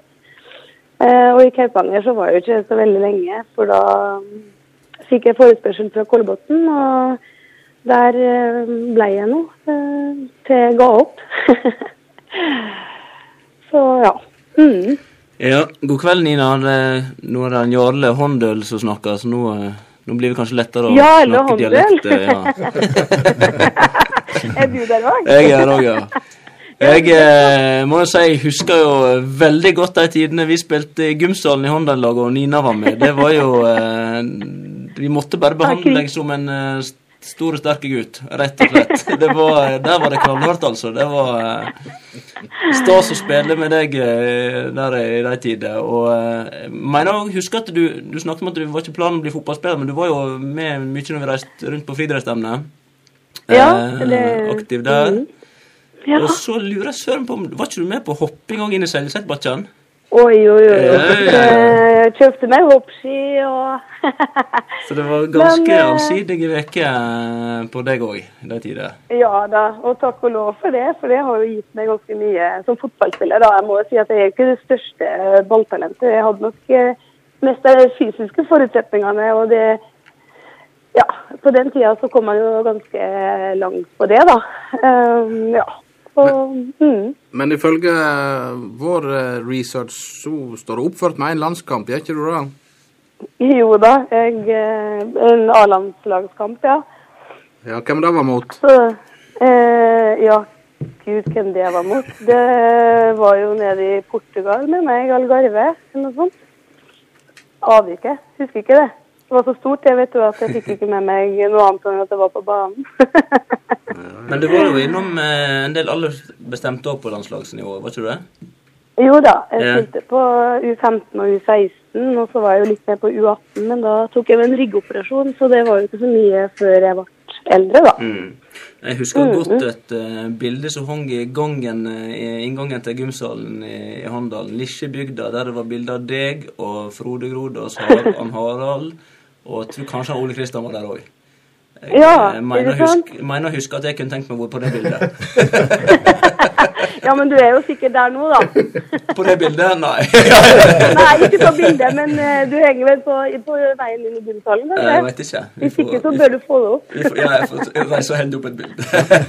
Det finnes mange bilder av han Frank Nei, han uh, Jarle. Ja. Men du var inne på det, Nina, at nå uh, jobber du i politiet og har eh, til det forstår jeg spennende stilling der. Fortell litt om det. Ja, eh, ja, hva skal jeg fortelle om det? Eh, akkurat nå, Jeg har jo gjort veldig mye forskjellig i politiet, men akkurat nå så jobber jeg jo egentlig med fagutvikling og instruksjon. Så, og det betyr jo egentlig at man er ganske gammel da, når man har kommet dit og skal begynne å instruere andre. så, men sånn primært så er det jo etterforskning og avhør da, som har vært mine, mine fagområder i politiet. og ja, trives veldig godt. Det er jo en fantastisk, eh, et fantastisk eh, arbeidsmiljø og en fantastisk jobb og masse muligheter. og Man blir på mange måter ikke lei, da. Og det er jo litt artig, for jeg bestemte meg jo egentlig når jeg var ja, jeg var vel 11-12 år. når Det er jo ikke ofte det er politi i Håndalen. Eh, og den eneste gangen jeg har sett dem, da bestemte jeg meg for at ja, det, det skal jeg bli. Da var jeg 11 år, så det ble noe sånn, da. Hvor mange unger har du fått, Nina? Du, nå har jeg to, eh, og det blir, det blir med dem. Ja. Hvor gammel er de blitt, da? de, eh, de er 10 og 13. Da er vel Og de de eh, spiller fotball. med De spiller fotball, ja. Ja, ja, ja. ja. Så eh, Da det er nå bra. Ja. Og du spiller fortsatt litt fotball sjøl. Idrett ellers, hva forhold har du til det? Du holder deg i bra form og Ja, jeg må jo si det at det, jeg elsker jo å trene, og det har jeg alltid gjort. eh, Så det Ja, jeg liker å løpe og trener på treningssenter og spiller fotball med, med folk på jobben. Og ja, det er jo en del av hverdagen min, det, da. Å dra på trening. Så det kommer ikke til å slutte med med det første. Og så må jeg eh, spørre deg òg, hvis du prøver å tenke litt tilbake, eh, hva var høydepunktet når du var på toppnivå i fotball? Ja, hva var det? Det har jo vært eh, ganske mange høydepunkt. Eh, men det er klart, man husker jo alltid når man kommer til en cupfinale. Det var jo Når jeg begynte å spille fotball, så var det jo litt eh, når du satt og så på cupfinalen på TV og, og tenkte at eh, ja, der skal jeg. Eh, men det kommer vel aldri til å skje, på en måte. Og det jobber man jo, mot hele tida, og mot å nå sånne typer mål sammen med et lag. Og når vi først klarte det i 2019, var det vel, det var veldig stort. Og like dumt da å bli skada i selve cupfinalen og måtte gå ut. Eh, og ikke minst eh, tape for Ørn. Eh, det er sånne ting som man også husker. Ja, og så er det jo selvfølgelig når du får lov å spille på landslaget som Det er jo de store øyeblikkene. Men utover det så har man jo mange små øyeblikk som man i ettertid tenker over at man har egentlig fått lov å være med på noe veldig stort. da. Det å få lov å spille på et av Norges beste lag og være en del av en, et idrettsmiljø som har de samme målene og samtidig har det gøy, det er jo fantastisk å få lov å være med på, tenker jeg. Så artig å se tilbake på. Og blir jo minnet litt på det nå av dere, hvor, eh, hvor fint jeg egentlig har hatt det. Så bra å høre. Veldig kjekt å, eh, at du ville være med og mimre litt om good old days på eh, fotballbanen. Eh, så må du ha masse lykke til i bedriftsserien. Så Ja, håper jeg du kan kose deg med fotballen i mange år til. Det var Nina Kristin Flo. Da eh, skal vi Ja, det blir ikke akkurat DDE, selv om vi nå forlater Trøndelag, men det blir DDR. Vi bruker jo å ha med en sånn DDR-låt, det tyske alibiet vårt. Så vi hører litt på det, og så skal vi snart ha vår faste spalte ord og uttrykk fra sportsverdenen. Sitat, ord og uttrykk fra sportens verden som du nå får servert, enten du vil eller ei, ved Frank Hol. Yes, da skal vi eh, ta for oss et eh, uttrykk igjen. Eh, dagens uttrykk er 'katta i sekken'. Og opprinnelsen til dette uttrykket her. Og hvordan kan vi relatere det til sportsverdenen? Det er jo fotball som jeg følger mest med på. da. Der er det jo mange spillerkjøp som blir betegna som, som katta i sekken-kjøp. Du Thomas er jo Liverpool-supporter som meg, og hele 90-tallet kan vel betegnes som uh... En diger sekk med mange katter. Men, men jeg må innrømme det uttrykket der. Det er jeg, eh, altså jeg skjønner jo når vi bruker det, men akkurat innholdet i den der har jeg eh, slitt litt med å skjønne. Er det det at du, du tror du har kjøpt noe annet, på en måte? da? Og så Nå skal du høre da, Jaron. Ja, nå, Nå kommer- Lektor Hoel får briljere. Nå kommer fasiten her.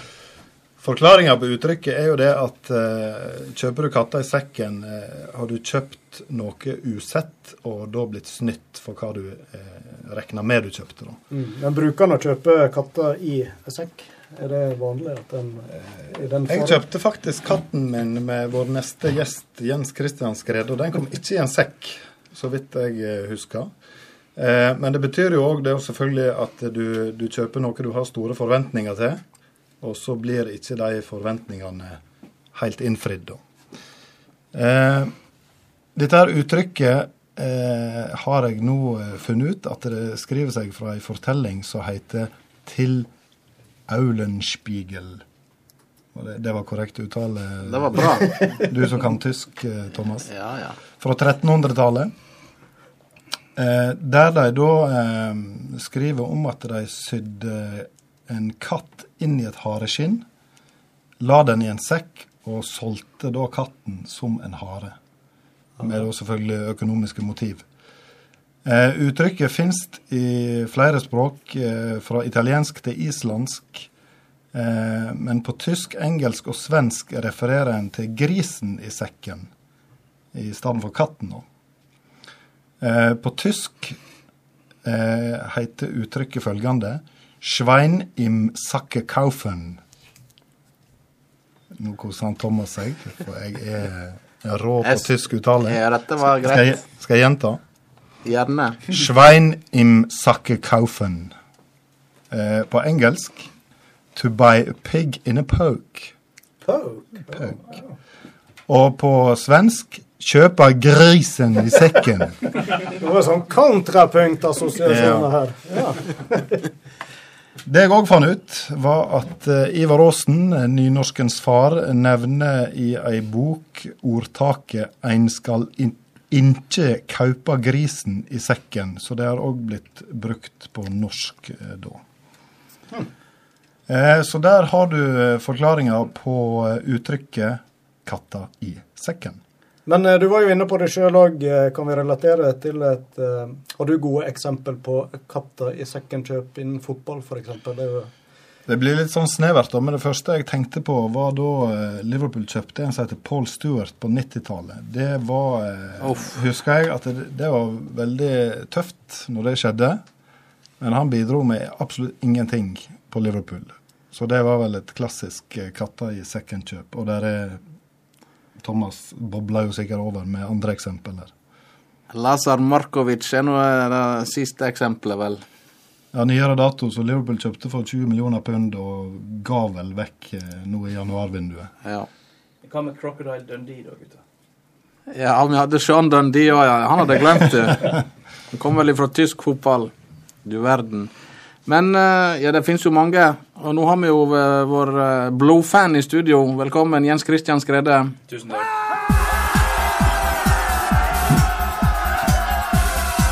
Vi presenterer kveldens blodfan. Nå er jo du Manchester City-supporter, og det er vel få eh, bomkjøp for tiden, men du har vel sikkert noen du kan eh, komme med fra kanskje eldre dato? Ja, ja, der er, der er mange både av nyere og, og eh, eldre dato. Jeg kan, jeg kan ta en som vi kjøpte i september 1979, som heter Steve Daly. Som det kanskje alle sikkert har hørt om. Ja da. Alle nikker. Ja, nei, Legendarisk. Vi kjøpte han for ca. 1,5 millioner pund i 79. I 79? Og det var mye. 40, 40 år siden. Helt elendig. Ja. Han spilte ca. 45 kamper for oss, og så ja, Jeg tror vi fikk en 50 øre nå. Hvis jeg Og en pose lakrisbåter. Ja, helt, helt ubrukelig. Der er mange, men Daily er på en måte eh, symbolet på elendige City-kjøp. Og en elendig dreven klubb egentlig på 70-, 80- og delvis 90-tallet. altså. Men 79, det betyr at du har fulgt eh, City noen år etter hvert? Ja, Offisielt så meldte jeg meg inn da jeg var ti år, i 1976, i den norske avdelinga av Manchester City sin supporterklubb. Så jeg har vært medlem i 43 år. Meldte du deg inn sjøl, eller var det andre som tok valget for deg? Nei, nei, jeg meldte meg inn sjøl. Jeg, eh, jeg hadde en far som eh, ikke hadde greie på fotball. Han greie på mye annet, men ikke fotball i det hele tatt. Så City, det, det Ja, jeg ble City-fan en eller annen gang tidlig på 70-tallet. Jeg vet ikke hvorfor. Eh, Men i 74 så var det en kar i Fredrikstad som heter Nils Martinsen. Og han eh, starta da den første supporterklubb eh, eller supporterklubben utenfor England. og Det var da Manchester City Supporters Club Norway Branch. Og i 76 så meldte jeg meg inn. eh, Og da har jeg vært medlem og betalt trufast min kontingentside. Så, så nå er jeg ca. nummer 60 på denne her lista. Og det er jo ikke noen som melder seg ut. Så, så når folk dør, så rykker det opp. Da koser du deg. Yes. rykker opp to plasser. Men det er jo sånn, Jens Kristian, at det, det er jo ofte ei god historie bak valget av klubb. Men du, du kommer ikke i, i noe der hvorfor akkurat ble City. Nei, jeg kommer ikke på det. Og, men jeg, jeg kan kanskje komme med en god historie likevel, som ikke handler så mye om City, men det handler om mora mi, som så at jeg var veldig interessert i fotball. Jeg sparka jo før jeg kunne gjøre noe annet, omtrent. Uh, så hun hadde altså skrevet til et, et eller annet firma og fått ei Chelsea-drakt til meg. Så når jeg var en liten strik nede i Holmeiene der jeg vokste opp, så fikk jeg altså ei Chelsea-drakt. Jeg husker den ennå. Den var mørkeblå overdel, eh, lange armer, mørkeblå shorts og hvite sokker. Så jeg gikk rundt til alle husene og viste meg fram. og um, det var ikke så mange hus, så det var fort gjort. men, men, eh, så egentlig skulle jeg vært Chelsea-fan, men jeg, ble jo da City-fan. Og jeg, jeg kan ikke si at det plutselig så Det var det som skjedde, den og den kampen. Men, egentlig. men jeg har vært det hele, hele livet. Chelsea City de har jo nettopp møttes, da ikke det? Ja da, det gikk eh, Det gikk greit. greit. Gre- Grei kveld på jobben. så det var 6-0. 6-0. Ja. Men du, eh, vi kan jo eh, definitivt bekrefte at du har vært City-fan før pengene kom til klubben for alvor. Ja da, det, det har jeg selvfølgelig. Ja. Hva, du, hva tenkte du når dette her Disse karene fra Sjeiklandet dukka opp? Nei, jeg tror ikke jeg tenkte så mye da. Det, det har på en måte bare blitt tydelig etter hvert at vi har ressurser. Og skal du hevde deg i fotball i dag, så må en ha ressurser. Det, det er jo snakka mye om at fotballen er, er, forandra. Og, og for meg så ble fotballen, toppfotballen forandra tidlig på 90-tallet, når de kom med Premier League og, og Champions League. Da ble, da ble alt forandra. Da ble det kamp hver dag. Det er jo egentlig altfor mye fotball hver eneste dag. De flytter kamper. Så jeg som er supporter som har reist eh, i, om 14 dager 29 år siden jeg så første kampen på, på Main Road. Og da kunne du være bra trygg på at kampene gikk lørdag klokka fire. Altså tre engelsk tid. Og så kom Premier League og Champions League, og det forandra alt. ikke sant? Lønningene ble helt hinsides, årgangssummene ble hinsides. Og, og, og du skal ikke sitte lenge på en pub i England eller, eller snakke med en taxisjåfør før, før de sier det. Ja, men det er altfor mye penger i fotball. Vi kan ikke forholde oss til en strik på 20 år som tjener 20 millioner i, i, i måneden. Altså det, så så, så den, den delen av det er en sånn Ja, en må bare forholde seg til det, men det er jo, det er jo blitt litt sånn merkelig for folk flest, kanskje. Er du mye borte i England og får med deg litt kamper?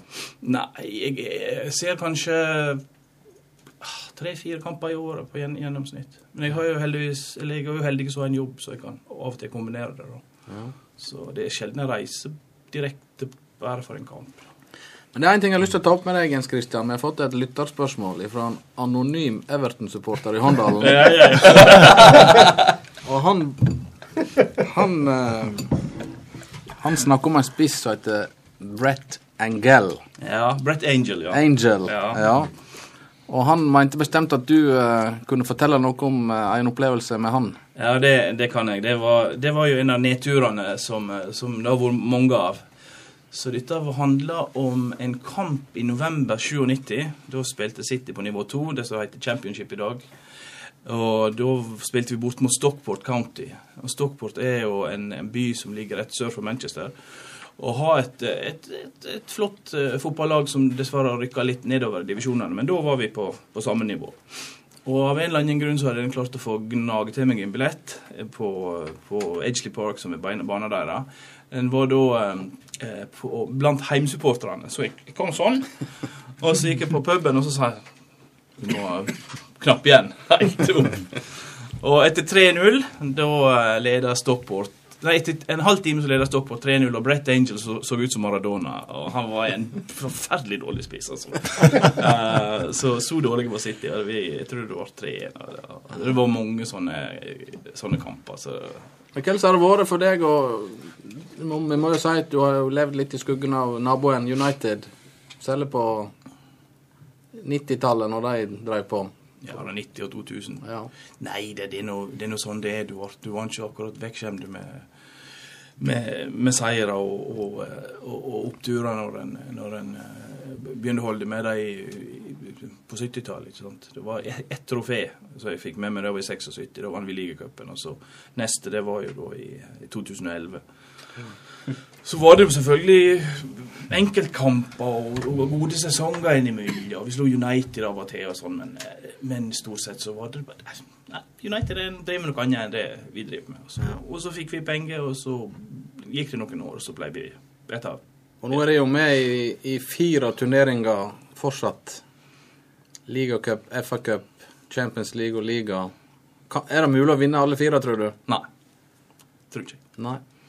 Det har vel ikke skjedd før. Det, det, det er så små marginer når du kommer opp i kvartfinale i semifinale i Champions League at jeg tror ikke.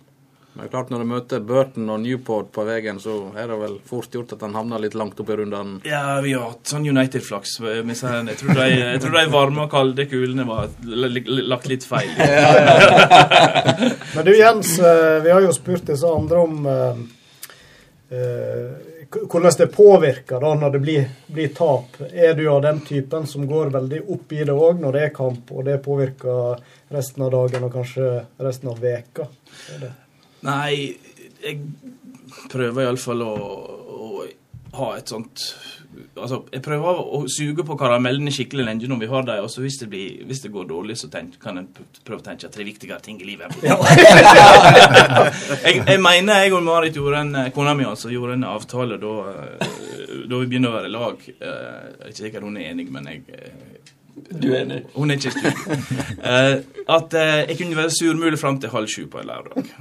Og det ble ganske mye surmuling. Vi begynner å være lag i 96, så var det var mye tap da. Men eh, nei, det, det, det er ikke sånn at jeg eh, Det går ikke veldig inn på meg. Det er ikke. Det, det, det er en ny kamp om tre dager som regel, så det, det går bra.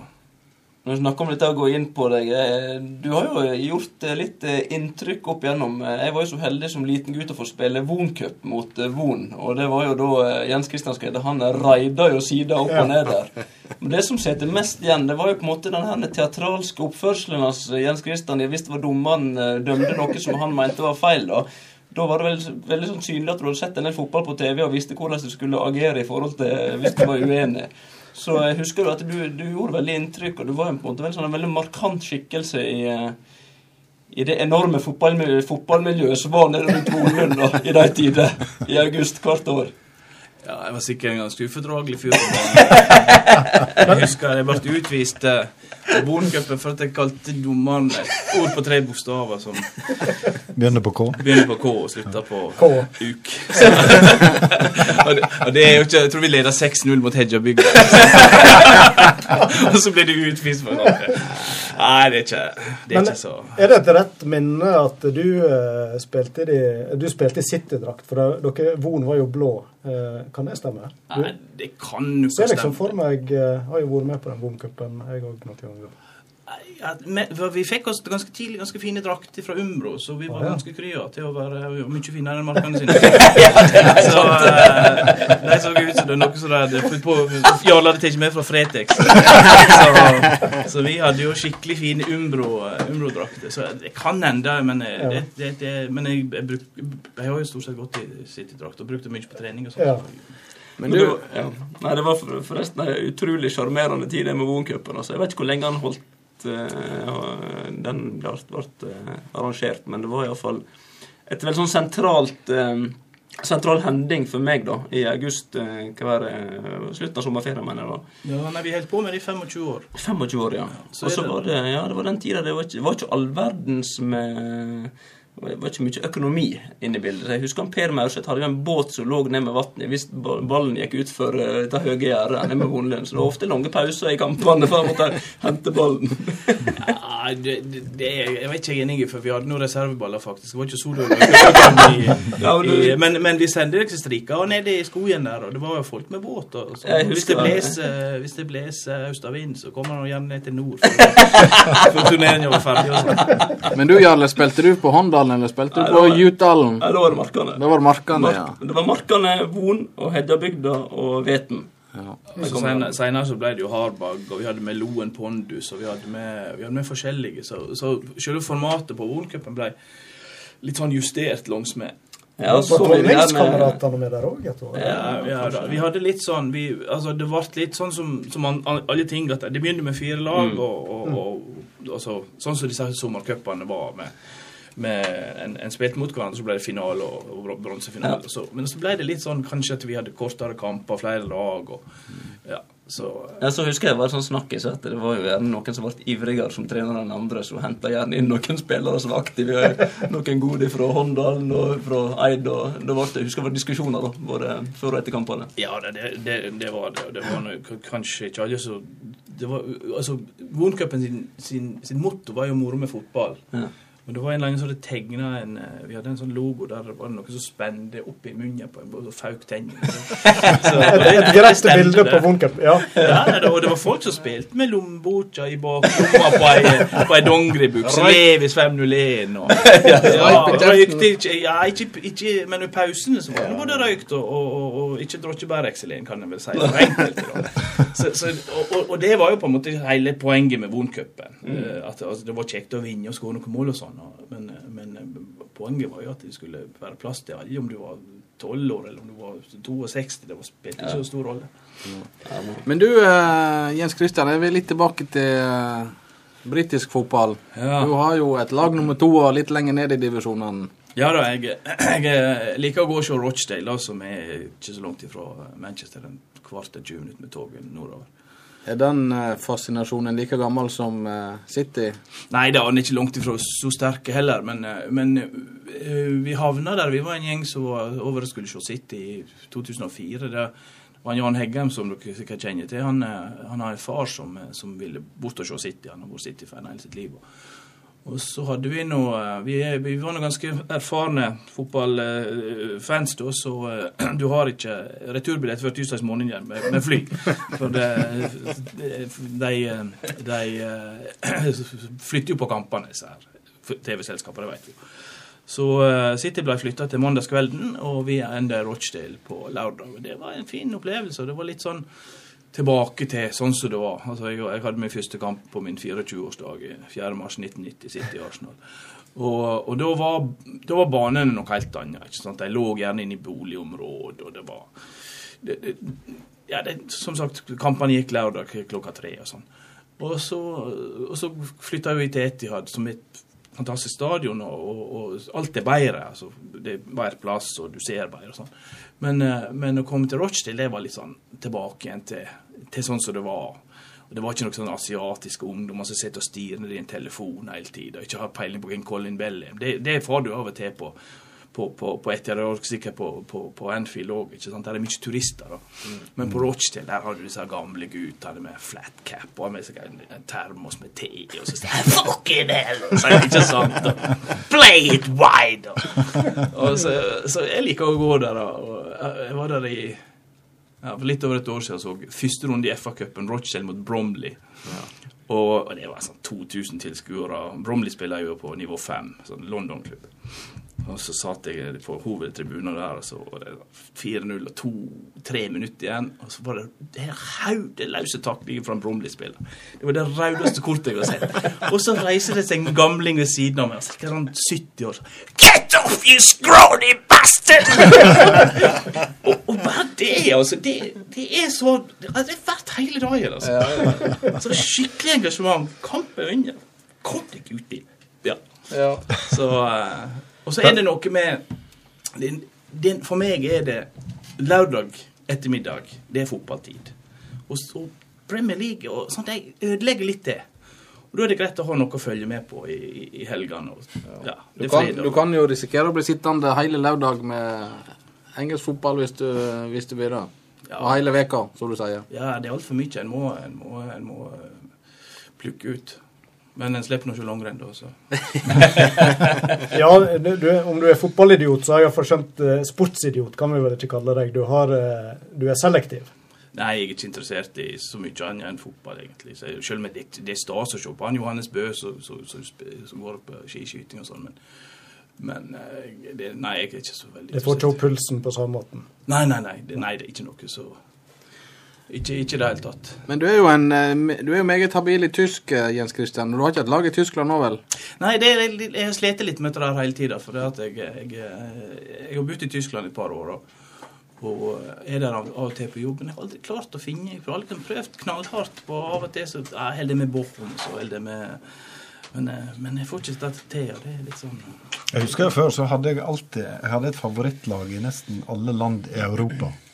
Liverpool har jo alltid vært eh, det store da, for min del, men eh, det var alltid et lag i Nederland, et i Belgia, et i Frankrike og et overalt. Ja. Men, eh, det, og Napoli, ikke minst i Italia, når Maradona var der. Men, men det er ikke sånn for deg. Du har ikke noen følelser for noen lag rundt omkring i på kontinenter? Nei, jeg er, men jeg er en sånn solskinnsfan til noen lag, da. Og, og så jeg, jeg hadde jo en veldig fin eh, kampopplevelse, matchdagopplevelse, nå i august med Hammarby og Mats Solheim. Så ham, Jeg liker veldig godt Södermalm i Stockholm, jeg har bodd der noen ganger, og det, der er det liksom kjekt å gå og tulle. Så Hammarby har jeg fulgt litt med. Så, så, så Mats eh, han er en fantastisk fyr. Han, jeg fikk fiksa med billetter. Vi møttes dagen før kamp og tok en kaffe. Ja.